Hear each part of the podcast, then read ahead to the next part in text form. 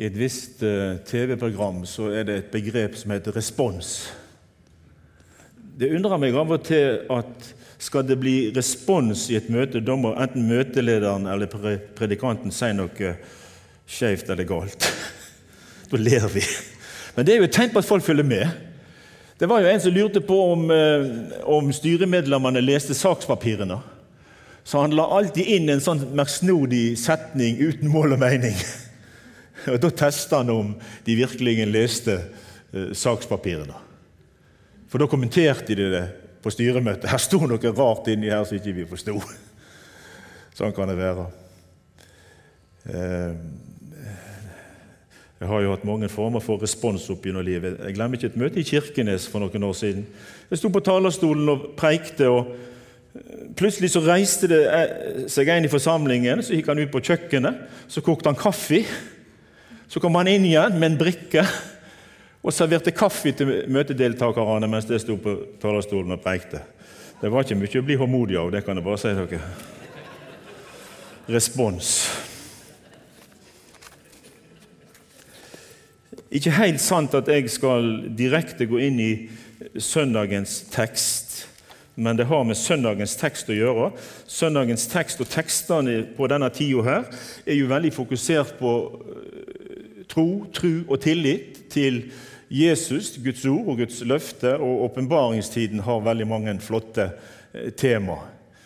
Og når jeg satt og tenkte på dette, her, så tenkte jeg at nei, denne søndagen skal jeg dele noe som jeg har gått og båret på eh, i ei tid, som òg er relatert til eh, tro og bønn, tillit til Guds ord og til Guds løfte.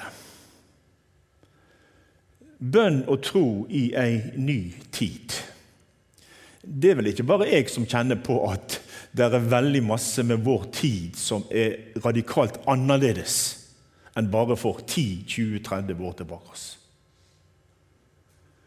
Jeg tror jeg følger såpass med både sosial, politisk og åndelig at jeg senser at her er veldige forandringer. Og forandringer som kan gjøre oss motløse, Forandringer som kan gjøre oss litt handlingslamma. Gjøre sånn at vi, vi, på en måte har lyst til å gi opp litt. Når du leser bibelhistorien, så er den full av sånne bølgedaler og topper. og bølgedaler og topper. Og Av og til så er bølgedalene lange, og toppene veldig korte. Men av og til så er toppene lange. Og så Sånn har det veksla til, til alle tider. Og Da er det at jeg går inn i Bibelen og så leser jeg hvordan Gud handler under vekslende tider og vekslende kår. Hvordan Gud klarte å få mennesket i bevegelse Få de over på sitt parti, for å bruke det uttrykket, under veldig krevende og vanskelige tider. Den jeg først har lyst til å ha fokus på i formiddag, det er av alle ting Hiskia. Hver gang jeg går i tunnelene i Jerusalem som blir kalt for Hiskia-tunnelene, da tenker jeg selvfølgelig på dette fantastiske byggverket og denne ideen han hadde.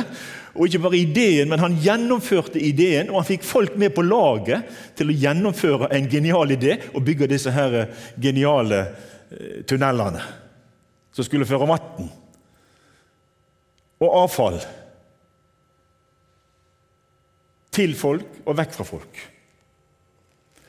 Han stiger frem i ei veldig krevende tid. Lykka var at han levde på samme tid som profeten Jesaja, annet. Og Jesaja ble Hiskias mentor. Ja, det er viktig å ha mentorer. Jeg, jeg, jeg, jeg er sånn som Det popper opp ideer i meg om mange ting. Men jeg er ikke alltid like flink å dele ideene med en broder og en søster for å høre er det, er det mål og mening i dette. her? Tror du at det er noen som vil gå for dette? her? Er dette Gud? Men der er Hiskia et veldig flott eksempel. I ei tid der avgudsdyrkelsen florerte som bare juling. De tilba kobberormen så det bare suste etter. De var slutta å feire påske. Han gjeninnførte påskefeiringen, og han fikk knust eh, kobberormen som de var begynt å, å, å, tilbe, og tilbe det som en avgud. Så vågde han dette her, og så sto han på. Og så ble han en nasjonal ryddegutt. Jeg kjenner veldig på at vår tid, landet Norge, trenger en nasjonal ryddegutt. En nasjonal ryddegutt, både politisk og ikke minst åndelig. Vi har hatt noen sånne nasjonale ryddegutter opp gjennom tidene. Og noen av oss har levd så lenge at vi, vi husker bl.a. for å være inn i nær fortid en Carl Fredrik Wisløff. Han var en som vågde å stå frem og sette fingeren på ting som var i ferd med å gå galt. Og ikke bare sette fingeren på ting som var i ferd med å gå galt, men han òg fikk nåde til å si 'Her er veien'. Her i andre kongebok så står det om Hiskia i kapittel 18 og vers 3. Han gjorde det som var rett i Herrens øyne, helt og fullt slik hans far David hadde gjort. Han rev ned offerhaugene, knuste billedstøttene og hogde ned asjerapelen. Og den kobberslangen Moses hadde lagd, knuste han i småbiter. For helt til de dager hadde Israels barn brent røkelse for den og kalt den Nehusjatan. Så står det så fint her i vers 6. Han var jo en radikal fyr. Og her ble mye her ble mye sjau, Og her ble mye støy. Og han tålte støyen fordi det står her i vers 6 For han klynget seg. Hva til? Til Herren. Vi trenger noen i dag som våger å klynge seg til Herren. Klynge seg til Guds ord og våger å legge hodet sitt på blokka, som vi har et annet ord og uttrykk for. Hiskia han blir dødssyk. Han blir jo ikke gammel, denne her Hiskia. Han blir jo bare ca. 54 år, slik jeg kan lese det ut fra Skriften. Du finner historiene om Hiskia i, både i krønikaboka og til og med profeten Jesaja skriver ganske mye før han går inn i trøsteboka i kapittel 30 8 eh, og 39 om denne her Hiskia-perioden. Han blir dødssyk. Og han, legger seg til å grine. Og han argumenterer innenfor Gud etter at profeten Isaiah hadde vært og sagt nå er det snart slutt, Hiskia. Nå må du bare sule sammen. Så tenkte han jeg har mer jeg skulle gjort. Og det er bra. Du må ikke sule deg sammen for fort. Gud har noe han ville gjort. Og det kan hende han ville ha det gjort gjennom nettopp deg. Selv om du er ung, og selv om du er godt opp i årene. Så legger han seg til å, til å, til å grine. Så gir Herren han Hvor mange år fikk han? Dagens 48 000 kroner spørsmål. Han fikk 15 år. Ja. Og når han går ut av tiden, så er han omtrent like gammel som en Hans Nilsen Hauge. 3-54 år. Du trenger ikke leve lenge for å utrette mye for Gud. Men det er spennende å leve lenge. Hvis du har det fokus, hva kan Gud bruke meg til? Hva kan jeg få lov å utføre for Han gjennom tru og bønn? Det andre jeg har lyst til å ha litt fokus på i dag, det er bønn og tro i hjem og ekteskap. Jeg tror at det som skjer i kristne hjem i dag, preger òg den kristne forsamling.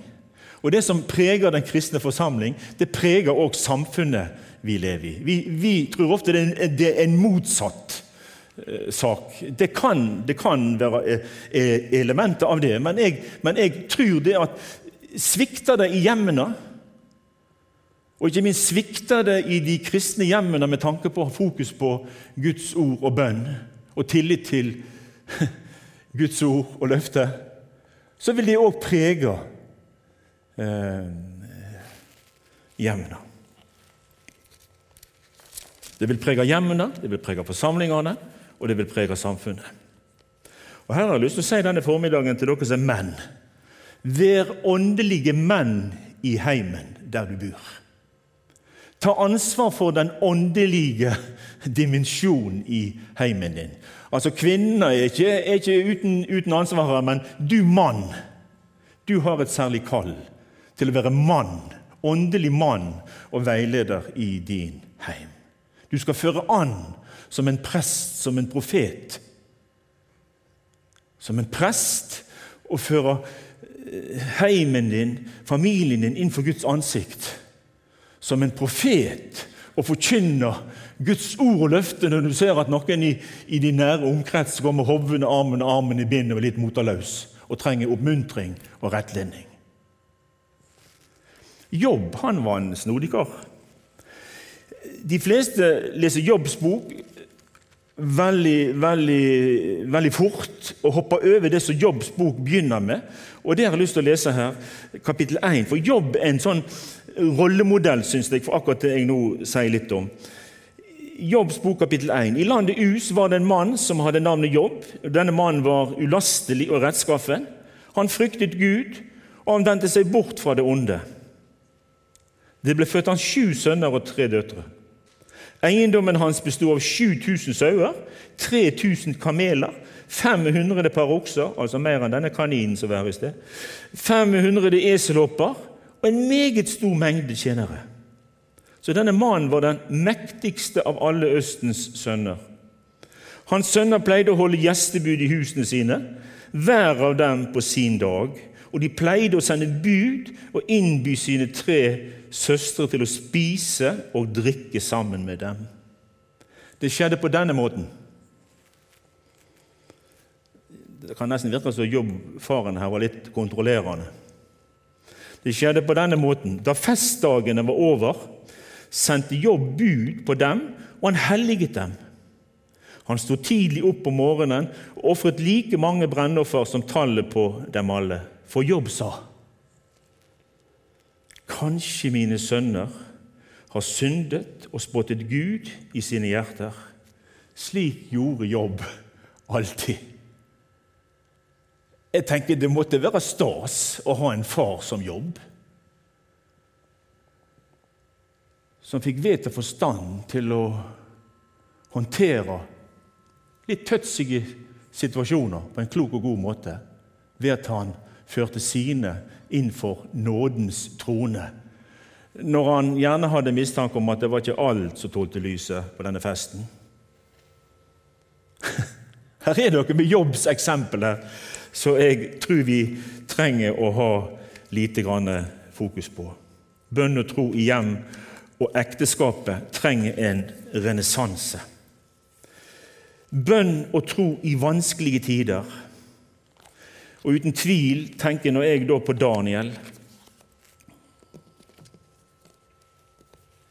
Tenker du på Daniel om dagen? Jeg tenker veldig på Daniel om dagen. Jammen var det ikke krevende å være en Daniel. politisk og åndelig var det veldig, veldig krevende. Og jeg spør meg sjøl i disse dager er ildovnen og løvehulen neste. Ja. Det gikk, ut, det gikk ut et brev, dekret, som det ofte står. Det ble en sammensvergelse, leser vi her i kapittel 6. Og Jeg føler på mange måter vi, vi, vi opplever noe av den samme åndsmakt og åndsidé i vår tid. Det er noen som har kommet sammen og bestemt seg for at de kristnes tro og lære den skal knebles. Det skal bli gjort, bli gjort, veldig vanskelig for de kristne å praktisere det de tror og lærer. Og det skal koste. Det skal koste så mye at vi gjerne klarer å kneble dem og få dem til å tie og vike. Og Da er Daniels eksempel her synes jeg er fantastisk. Da Daniel i vers 11 i Daniel 6, da Daniel fikk vite at dette skrivet var blitt undertegnet, gikk han til huset sitt. Ja, ja, Han visste nok hvor han bodde. I salen ovenpå, med vinduene åpne mot Jerusalem, bøyde han seg ned på sine knær tre ganger om dagen. Han hadde tre faste bønne, bønnepunkt i arbeidsdagen sin. Tre klokkeslett. Og Det er innenfor den jødiske tradisjonen. Minst tre. Og ba og lovpriste fremfor sin Gud. Hvor i verden fikk han frimodigheten ifra til å lovprise under sånne omstendigheter? Det har jeg spurt meg. Var det mulig? Måtte, måtte, måtte, ikke han rent følelsesmessig være så krasja at det å lovprise det, det, det, det, var langt, langt vekke? Sånn tenker vi ofte. Hvis ikke følelsene er der og koker oppånder, så er det ikke rom for lovprisning. Men det er jo nettopp da vi skal gi rom for lovprisningen. Ja, ba og lovpriste fremfor sin Gud, slik han hadde gjort også før dette. Denne gode vanen, denne gode skal vi si, tradisjonen og rytmen i Daniel sitt liv, den vedvarte òg inn i den mer krevende og vanskelige tiden som han nå kom inn i. Og det ble han til hjelp. Som en hiskia. Han klynger seg. Hvem til? Til Herren. Det er løsningen, folkens. Klynger seg til Herren. Det fjerde og nest siste bønn og tro under og i kall av arbeidere. Jeg skal ikke si at jeg har veldig mye imot uh, bemanningsbyrå, men jeg er litt bekymra for at vi i kristen sammenheng og i våre menigheter i forsamlinger har mer tro på bemanningsbyrå enn på Gud.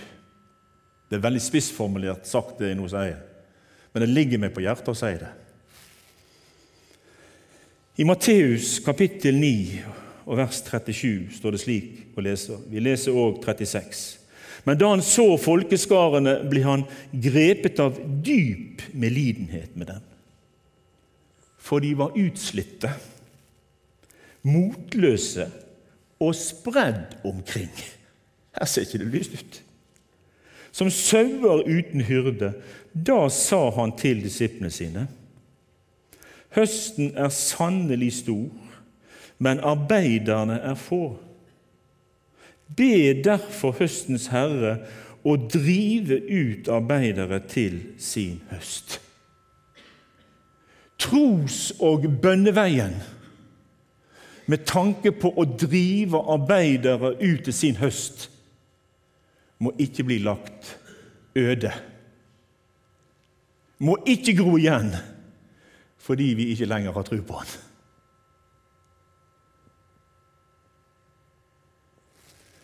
Jeg er av og til med og skal og og, og, og har av og til vært med og skulle ansette arbeidere i ulike sammenhenger.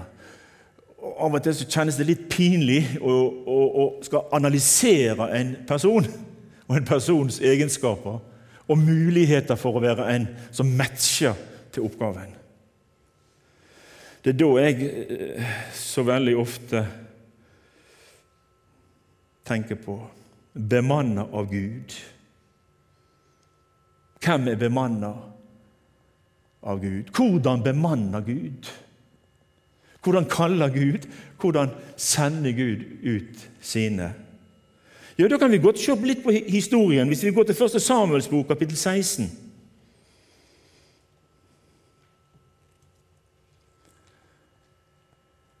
Ja, hva står det om der?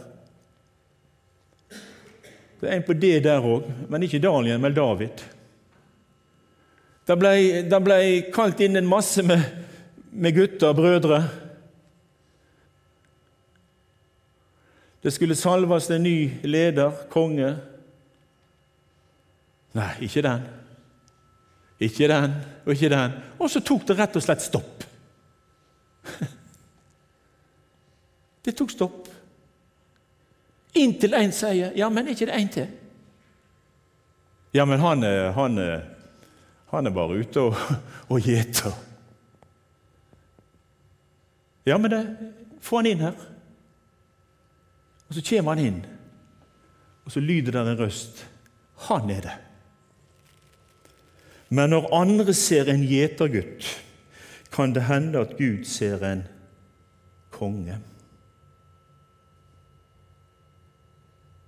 Hm, er det noe å tenke på i denne tid? Nei, han er ikke noe. Nei, hun er ikke noe. Når andre ser en gjetergutt, kan det hende at Gud ser en konge. Vi må aldri glemme tros- og bønneveien inn for Guds nådetrone når det gjelder kall av arbeidere. Det siste Jeg hører det at dere her i Betlehem er fantastisk flinke på å, å, å, å be.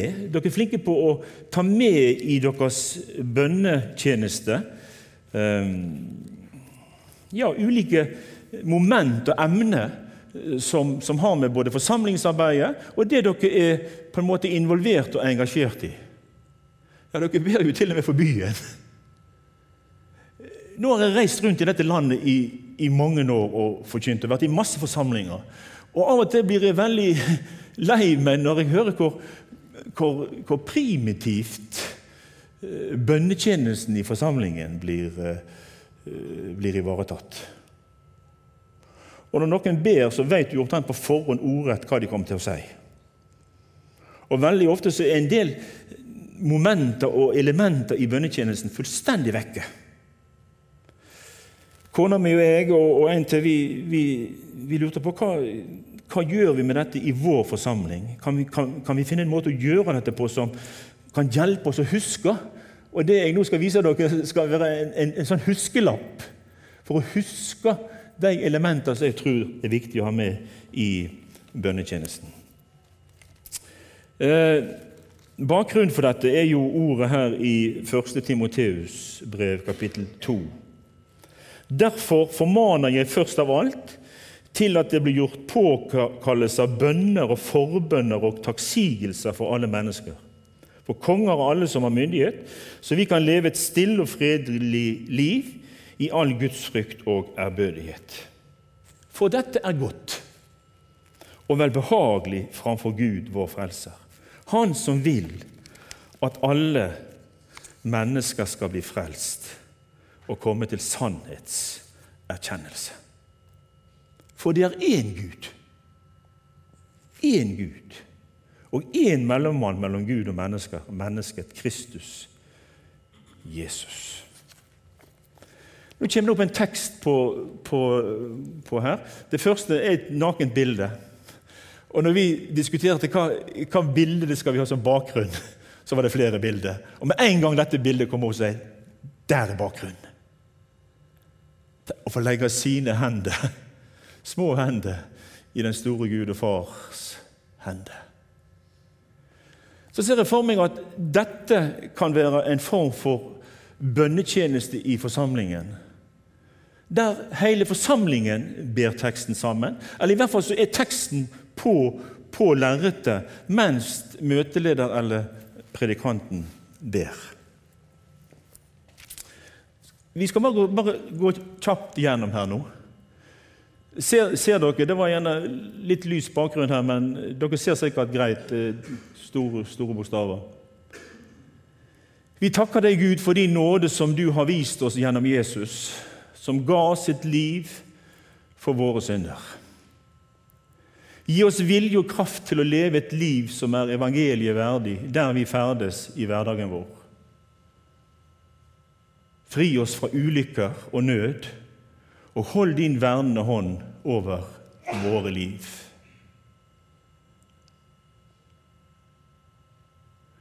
Vi ber for landet vårt, kongen og hans hus. Gi dem helse og glede i den tjeneste de gjør for landet vårt. Herre, så ber vi for styresmaktene, for storting og regjering.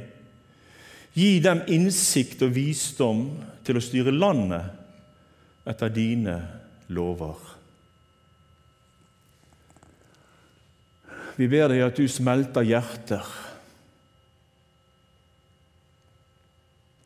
og vender dem til å endre de lovene som strider mot din gode vilje. Vi ber spesielt eh, for det ufødte barn i mors liv. Vær et vern for dem, du som så oss alle da vi enda bare var et foster. Styrk våre arbeidere som arbeider for ditt rike, og som har sin tilknytning til vår forsamling. La dem få fremgang i sin tjeneste for ditt rikes skyld. Og vi ber spesielt for, og her kan enhver en forsamling og menighet putte inn de navn de ønsker. Vi ber spesielt for ja, arbeiderne her i Bergens Indremisjon. La de vokse i nåde og kjennskap til deg. La de få lede mennesker til en dypere forståelse av ditt ord og din vilje. Vi minner deg også om vår egen forsamling. Skap nytt liv iblant oss. Kall og utrust hver enkelt. Led oss til søkende mennesker og gi oss visdom til å vandre blant dem. Vi ber for de av forsamlingen som er syke. Da kan en lage en liten parentes, og så kan det være enten noen som har kommet med en, en lapp på et navn, eh, eller det er respons der og da på mennesker som sliter med sykdom i forsamlingen akkurat der og da. Herre, glem heller ikke det folk som du kalte og utvalgte deg i Israel. Ta sløret vekk fra øynene, så de kan se Jesus Kristus som sin Messias. Og la deres omvendelse bli til velsignelse for oss alle. Vi ber for de av våre brødre og søstre som lider for Jesu navns skyld. I Jesu navn. Amen. Ehm, jeg fikk en, fikk en fin ehm, mail fra ei Det er på Tysnes her. Eh, jeg utfordra henne til å gi meg en tekst på nynorsk. Noen plasser er jo nynorsk språket. Hvis dere syns at dette her var noe som eh, kunne fungere i deres fellesskap, husfellesskapet her, bruk det, bearbeid det så det passer for dere. En sånn her bønnehuskelapp som skal hjelpe oss å få med det Guds ord på en særlig måte oppfordrer oss til å be for å dra omsorg for. Bønn og tro i en ny tid. Løftene kan ikke svikte, folkens. Nei, de står evig fast. Far i himmelen, takk for denne søndags formiddag i Betlehem. Takk for mennesket som er her. Takk for mennesket som har brukt en bit av sitt liv for å være her i dette fellesskapet denne søndag 2. februar. Vi ber om at du må fornye en stadig og stødig ånd i oss, som kan eie lojalitet på førsteplass til ditt ord, til ditt navn, til dine løfter. Vi ber om at du må fornye vårt bønneliv, vår bønnetjeneste, slik at vi i enda større grad tror på deg i situasjonen og situasjonene, og våger å vente på dine bønnesvar. Hjelp oss òg å tro når forfølgelsen kjennes både i tanke og sinn, ja, kanskje en dag òg på kroppen. Vi ber om mot til å følge deg, Jesus, i ei krevende tid. Og Vi ber om at du må reise opp noen Pauluser i Norge, noen Hiskia-skikkelser i Norge, som våger å lede an. Lever som ditt ord, taler som ditt ord,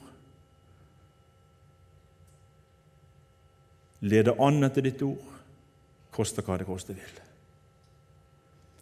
Priser vi deg for at vi skal få være under ditt vern fortsatt denne søndagen og dager som kommer. Vi lover deg, opphøyer deg, i Jesu navn. Amen.